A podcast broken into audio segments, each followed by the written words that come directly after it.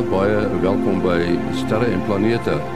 Vanaand het ons vir Kobus Holkers, Willie Koorts en professor Mati Hofman in die program. Hier is eers 'n ruimte nuus wat geskryf is deur Herman Turin in Bloemfontein. Die vraag oor hoe vinnig die mens veilig kan vlieg, lewer skielik heelwat leesstof op en die antwoorde lewer veel meer vrae as klinkklare antwoorde op. Een van die mees proaktiewe wetenskapskrywers is die Amerikaanse wetenskapskrywer Adam Haddazi. Hy verwys in 'n artikel oor hoe vinnig die mens eendag as ruimteman deur die ruimte kan klief. Dit is van jare half eeu gelede dat die vinnigste mense so ver wat deur die ruimte geblits het, die drie Amerikaanse ruimtemanne was wat aan boord van Apollo 10 uh, nie self uh, voet op die maan neergesit het nie. Hulle het bloot die maan gebruik om terug na die aarde geslinger te word en sodoende die verbuisterende spoed van net 'n aks onder 40000 km/h te behaal. Tot sover ruimtenis geskryf deur Herman Turin in Bloemfontein. Gewoonlik as uh, Kobus aan die beurt is, hy is nou vandag 'n bietjie langer in die beurt, maar dan praat hy eers oor 'n ruimte weer. Wat ons hoor Kobus? Ja, goeienaand en 'n goeienaand luisteraars hier sit ons nou weer met 'n met 'n met 'n son wat redelik besig is. Ehm um, ons het die afgelope week ehm um, het ons toe uh, nogal 'n redelike sterk geomagnetiese impuls gekry van wat van 'n koronagat afkom uh gekom het. Ander interessante ding wat ons voor ons sien is daar 'n nuwe uh magnetiese uh area wat besig is om te vorm. Hy's gelukkig baie naby aan die aan die regterkant van die son en hy sal reeds teen môre se koers afgedraai het. Ehm um, maar dit lyk asof hy baie vinnig groei en asof hy dalk kan fakkels maak.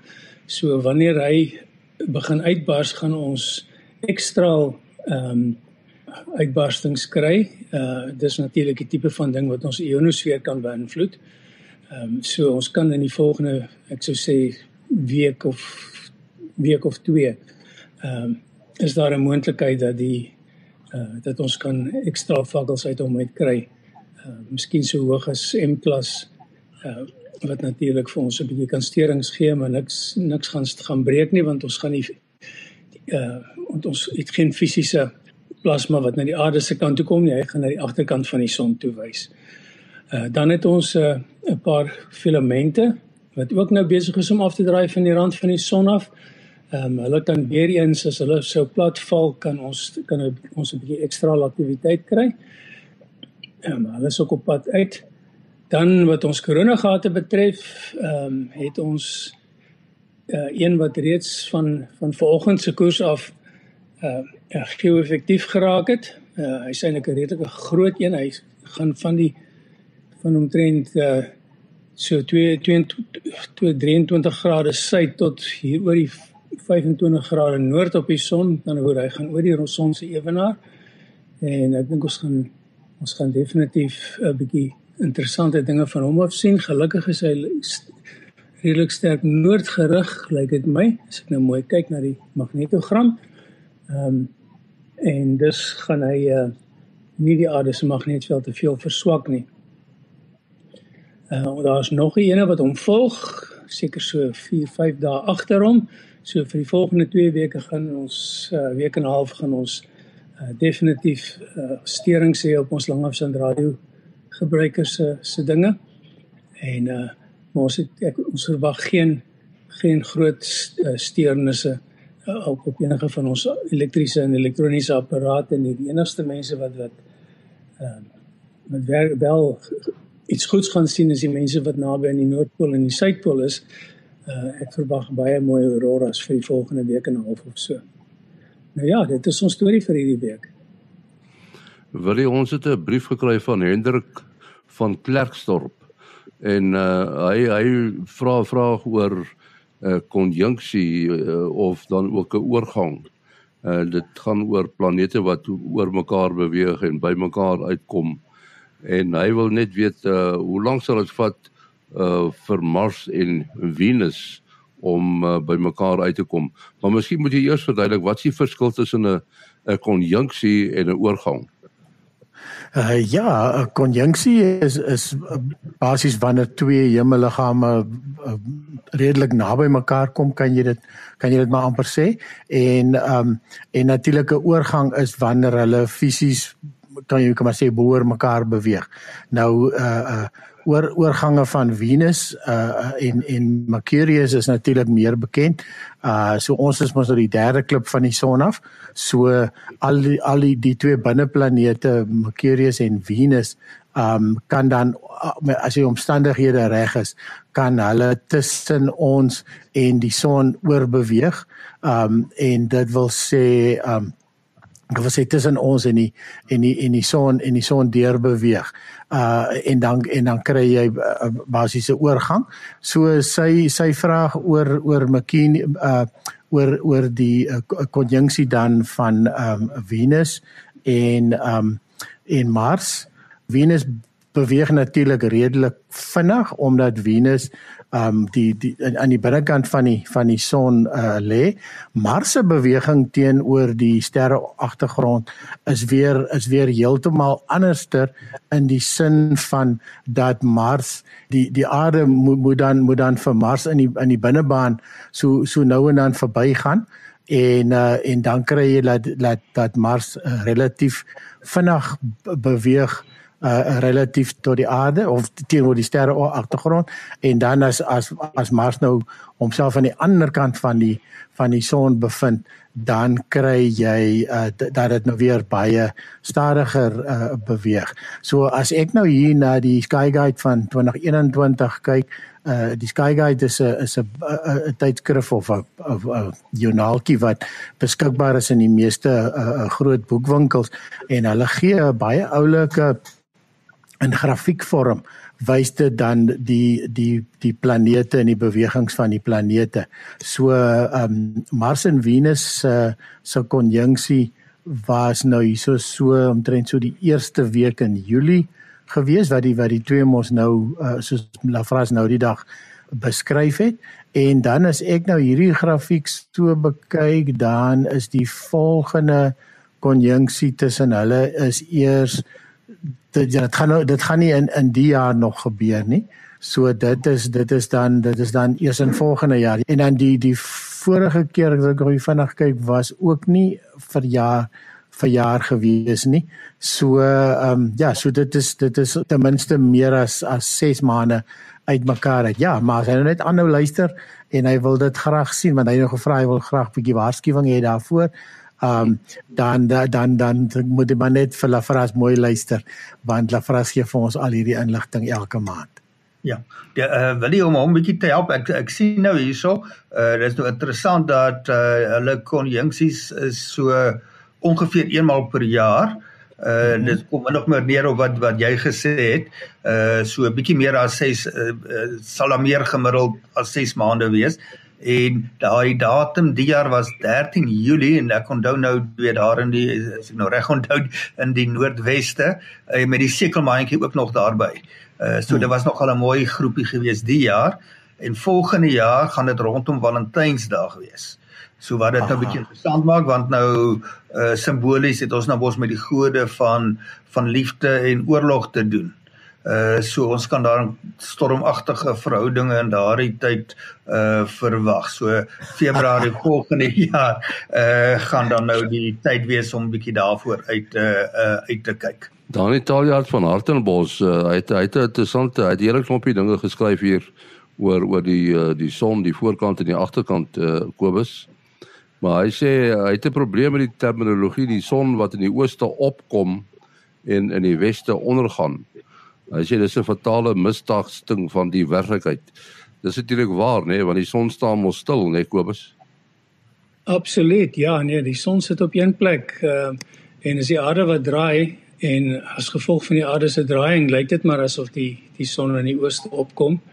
Uh, want ons draai binne in die in in hom in. Ehm um, en en uh, dan is dit maar relatief uh, dis dieselfde hy gaan onder in die weste. Nou ja, dit laat my dink aan, aan ja, hierdie ding het in die natuurlik in die in die baie ou dae baie mites veroorsaak met die songod Ra wat in sy vuur waar losvlieg hier in die oggend en dan vaar hy oor die aarde en hou almal dop en dan sak hy weer ry weer dan na die weste toe sodat die uh, die donker kragte kan oorneem. Uh dit wys maar net hoe 'n mens baie keer afhangende van uh hoeveel hoeveel jy weet van dinge wat aan die gang is of jy al waargeneem het, hoe jy baie keer dinge maar kan uh jouself kan nog allerlei dinge opdroom. Hmm. Ja, daar's wonderlike stories in die, in die Afrika kulture ook en en een van hulle sê dat die son uh, word elke middag gevang deur 'n krokodil daar in die in die in die weste en dan ek weet nou nie hoe word hy uitgespoeg nou in die ooste uh, die volgende oggend nie. Ja, so daar's baie lekker lekker sterre stories ook in hierdie verband. Ja, nee. Maar dan dan het ons nou nog die die komplikasie dat die uh dit nie presies wes is nie wel daar's een spesifieke dag wat hy presies wes ondergaan uh maar soos die seisoen verander verskuif hy nou taamlik van die suid van wes tot taamlik ver noord van wes. En dis wanneer ons so koud kry hierso in die uh in Suid-Afrika wat die jaar het ons nou veral bietjie ge uh 'n probleem gehad met die koue. Ons raak maar net nie gewoond daaraan nie uh, ons kollega op die program uh, Lafras uh, het seker die beroemdste klompie bloekombome in Suid-Afrika want hy het op ons groep het hy die reeks fotos van die bloekombome met die son se posisie wat so verander soos wat sy uh, ek, ek dink is die ondergang wat hy afneem en nie die son opkoms nie maar hy's 'n boer so dit kan dalk die son opkoms ook wees. Uh die son beweeg natuurlik of die hele sonnestelsel saam met al die sterre in die sterrestelsel in die Melkweg uh wentel ons om die middel van die Melkweg maar relatief tot die aarde is die aarde die een wat beweeg en nie uh en nie die son nie alhoewel dit nie ons alledaagse ervaring uh is nie. Hier is 'n vraag van Karel Mouton. Dit dit dit gaan oor uh die uh die son wat op die 21ste Junie uh omdraai en uh hy uh, hy vra vind die son hom presies die uh, op dieselfde plek op sy baan 10 dae 20 dae en 50 dae voordat die son draai as wat hy hom bevind. Ja, dit sluit nou aan by wat wat Martin nou net gesê het van die pragtige foto wat Lafras geneem het. As 'n mens nog sou gaan en jy en jy ek sit vir jou 'n kamera neer en jy en jy beweeg hom nie nie glad hoegenaamd nie en elke dag neem jy die neem jy die son maak jy een foto van die son en jy maak dan die lot nou bymekaar dan sien jy so 'n pragtige figuur 8. Uh, ek het nou vergeet wat die ding se se geleerde naam is. Dis dit is 'n ander lemma en en natuurlik jy moet dan die ah, foto ah, op presies dieselfde tyd van die dag neem, ja. Dis wat ek sê jy mag die foto jy moet die kamera mag nie beweeg nie en die en die ehm um, en die dieselfde um, tyd wees ja, ek dink jy moet op dieselfde tyd doen. Nou dit gee eintlik vir ons die antwoord op hierdie vraag want eh, daardie figuur 8 wat jy nou kry, die die beweging wat die son in die lug maak uh relatief tot waar jy nou staan uh is eintlik maar net 'n weergawe van die aarde wat nou wat nou skeef is uh relatief tot die tot tot tot tot ekliptiese noord. Die aarde so effens om ons van sy as af en dit is natuurlik hoekom ons somer en winter kry. En dit is daardie beweging daai relatiewe beweging van die uh of wat mense sien van die aarde af na die na die son se se koers toe wat nou vir ons die uh die 21ste Junie uh son om uh, omkeer gee en dan natuurlik uh waar die waar die twee keerkringe is in die noorde en die suide waar hy nou op uh, waar hy nou stop. So ja, dit is dit is eintlik 'n baie eenvoudige ding. Dit is dis maar net hoe die om die aarde skeef is en hy draai, die aardbol. Ehm um, en dit is maar hoe jy dit waarneem. Is nie 'n simmetriese ag nie. Die een kant is kleiner as die ander kant. Uh so mense moet ja. mooi dink om die goed te verstaan. Uh nou net om dan daai daai vraag terug te kom. Uh daar is nie 'n perfekte simmetrie nie want die aarde se beweging om die son is nie presies konstant nie. So voor die uh omkering uh wat ons nou die la, langste nag in die suidelike halfrond het uh En dit is nou 21 Junie, maar dit kan verander as gevolg van die skrikkeljaar, as daar 'n ekstra dag in Februarie bykom, dan die teenoorgestelde nou weer uh 21 uh, Desember wat hy nou weer uh, uh omdraai hierso in die suidelike halfrond. Nou die son se beweging om die son is nie presies dieselfde voor daai datums as na daai datums nie omdat die aarde se baan nie 'n perfekte sirkel is nie. So dit gaan 'n bietjie van 'n uh, asimetrie in daardie datums se uh, uh, veroorsaak. Uh dit kan miskien ook nog op die uh, op dieselfde datum maar nog meer op dieselfde plek wees, maar dit gaan nie op presies dieselfde uur wees wat hy op dieselfde plek is nie. Nou as ons nou praat van die baan van die son, dan uh, verwys ons na sy posisie relatief tot die hemel uh die hemelsfeer relatief tot die agtergrondsterre wat hy daar op die ekliptika uh relatief tot die konstellasies beweeg. Uh maar dit is nou eintlik die aarde wat uh soos wat ons verduidelik het uh om hom beweeg op sy baan. Terwyl hy aan die gang is uh Mati uh, ons uh, het nou almal gehoor van 'n uh, gravitasiekolk maar daar is nou sprake van 'n swerm gravitasiekolke. Wat sou daarmee bedoel word? Uh ja, daar is in hierdie bolvormige sterrehope, ehm uh, was daar al lankal sprake daarvan dat soveel miljoene sterre daarin en hulle is relatief naby aan mekaar, uh dat dit voorspelbaar is dat hulle teen mekaar sal bots by geleentheid en uiteindelik is daar genoeg massa om 'n gravitasiekolk te te vorm of 'n black hole. Ehm um, nou het hulle 'n bepaalde voorwerp afge af bestudeer bekend as Palomar 5. Uh nou hy is 'n goeie 80000 ligjare van ons af. Uh ons kan dit nou vergelyk met Omega Centauri, die wat vir ons die grootste vertoon, uh wat ons dan die suidelike halfrond mooi sien op ongeveer 16000 ligjare. As ek nou maar die getalle bietjie bietjie afrond. So Palomar 5 is heelwat uh verder. Maar wat nou interessant is van uh, Palomar 5 wat hulle nou hierdie swerm van gravitasiekolke waargeneem het, uh is dat dit deel van 'n sogenaamde Jo, so nou 'n mooi vertaling daarvoor kry, 'n streamer, 'n groep sterre wat ver van mekaar af uitgesprei is en dan praat ons nou sê net maar van 20 grade van die van die hemelruim. Uh Uh nou daai sterre sou ons sê kan nie met mekaar enige verband hou nie. Hulle is so ver van mekaar af, maar met die Gaia teleskoop wat na die snelhede van die sterre uh, kon kyk, dit baie akkuraat kon meet en miljoene van uh, sterre se uh, se beweging akkuraat kon meet, uh kan sien hulle beweeg saam. So hulle moes ver in die verlede in een stelsel gewees het. En uh uh die teorie wat nou ondersteun word met Palomar 5, want hy is ook deel van so 'n streamer. Hy's die enigste uh sterswerm wat waargeneem is wat deel is van so 'n streamer. En die die teorie is dan dat die sterre so uitgegooi word in allerlei rigtings uh deur die gravitasiekolke wat nou digte gravitasie sentrums is. Uh ons weet dat veel liggaamprobleme byvoorbeeld nie net twee liggame nie, maar iets selfs 'n drie liggaam probleem soos uh aarde, son en maan uh is op 'n baie lang tydskaal uh, uh nie altyd stabiel nie. Fapawa is een nou baie naby aan die uh, aan net een van die ander twee is. So in hierdie stelsel as stelsels kan een ster so naby aan 'n gravitasiekolk kom dat hy uitgegooi word en dan heeltemal uit die stelsel uitgegooi word. So dit is dieselfde beginsel amper as wat jy nou die Voyagers uh Voyager 1 en Voyager 2 uit die sonnestelsel uitgegooi het deur hulle naby verbyvlugte met die groot uh gasreuse. So dit is nou 'n baie baie interessante stelsel hierdie uh wat nou meer lig op kan werp op hoe hierdie streamers gevorm het. Ons het uh, Kobus uh, hier 'n opmerking van Lafra Smit.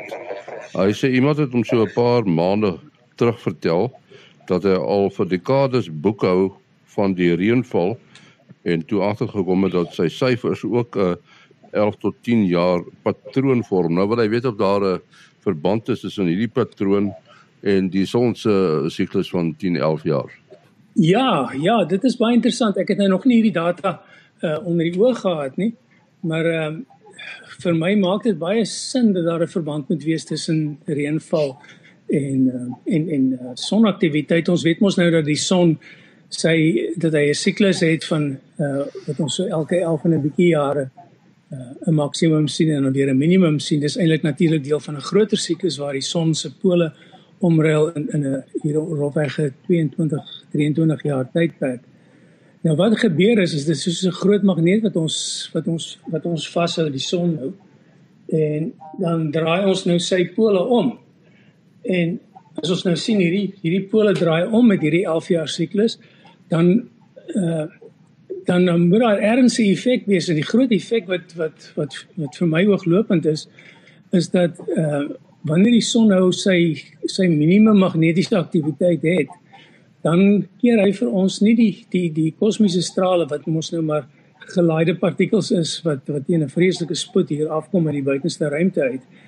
Ehm um, dan kan hy nie hierdie goed deflekteer nie en hy laat dit dan deur na die binneste sonnestelsel toe. Ehm um, en al hierdie kosmiese strale werk dan werk pragtig mooi as as saad vir vir reënwolke asof ons elke 11 jaar met 'n klomp vliegtye verbyry en en al die wolke saai met uh met hierdie uh jodium sout wat hulle dit gewoonlik doen om die om die, om die wolke aan die reën te kry. Uh so da, dit is vir my 'n baie duidelike verband. Uh ek sal baie verbaas wees as dit nie so is nie. Dit sou nogal baie interessant wees om om die data onder die oog te kry en kyk waar loop die korrelasie want dit is baie baie baie interessante ding is. Matie, daar was 'n vraag ook oor uh, of waterstof uh, wat uh, baie volop in die uh, die uitspansel is of dit ooit uh, opgebruik kan word. En nee, ja, waterstof is die volopste element in die heelal. Ehm uh, en dit is veral die eerste generasie sterre die primêre uh, bestanddeel in 'n ster word waterstof dan omskep in swaarder elemente, uh eers helium en dan gaan dit deur 'n hele ketting van reaksies soos die ster nou verouder. Uh so inderdaad in sterre word die waterstof deur kernsmelting vervang met ander elemente. Uh so hoe meer sterre gevorm word uit die waterstof in die heelal en hoe meer dit omskep word in die sterre, so word die waterstof in die heelal inderdaad al minder. Uh die daar's natuurlik geweldige hoeveelheid waterstof wat in die tussen die ruimte tussen die sterre sweef maar uiteindelik sal dit grootliks deur gravitasie bymekaar kom. En dan skry jy nog intergal, uh, intergalaktiese waterstof maar dit is seker al 'n uh, baie kleiner persentasie wel baie laer digtheid as in in die sterrestelsel self maar nou is daar 'n uh, intergalaktiese ruimte so groot so selfs 'n baie lae digtheid gaan jy nog jou, jou geweldige hoeveelheid waterstof gee. So ek is nou nie seker van die tydskaal waarop daardie waterstof uh opgebruik gaan word en omskep word in swaarder elemente nie. Die vraag wat mens moet vra is daar enigsins 'n nuwe bron van waterstof? En daar is inderdaad 'n nuwe bron van waterstof, stof, maar die uh, tempo daarvan is uh, baie baie kleiner as enige iets wat waterstof opverbruik en die Ek weet nie of daar nog ander meganismes is nie, maar een is protonemissie. Dit is of proton radioaktiwiteit en dit is 'n baie skaars vorm van radioaktiwiteit. En dit is nou wanneer jy isotope van elemente kry wat meer protone in hulle kern het as wat op die stabiliteitskrom het, as wat energeties voordelig is. Nou normaalweg sal dit nou elektronvangs uh tot gevolg het wat 'n proton in die kern omskep word na 'n neutron maar in rare omstandighede en daar's 'n aantal elemente wat dit al waargeneem word kan 'n proton uitgeskiet word en al wat nou moet gebeur is daai proton moet 'n elektron vang en dan jy weer 'n waterstof. maar dit is die enigste meganisme wat ek so vinnig kon optel wat 'n uh, nuwe waterstof uh kerne of atome gevorm kan word uh en dit gaan nie kompeteer met die uh die opneem daarvan deur kernsmelting en omskepping in swaarder elemente nie. Ons moet afsluit ongelukkig. Uh Mati, jou besonderhede? Selfoonnommer 0836257154. 0836257154.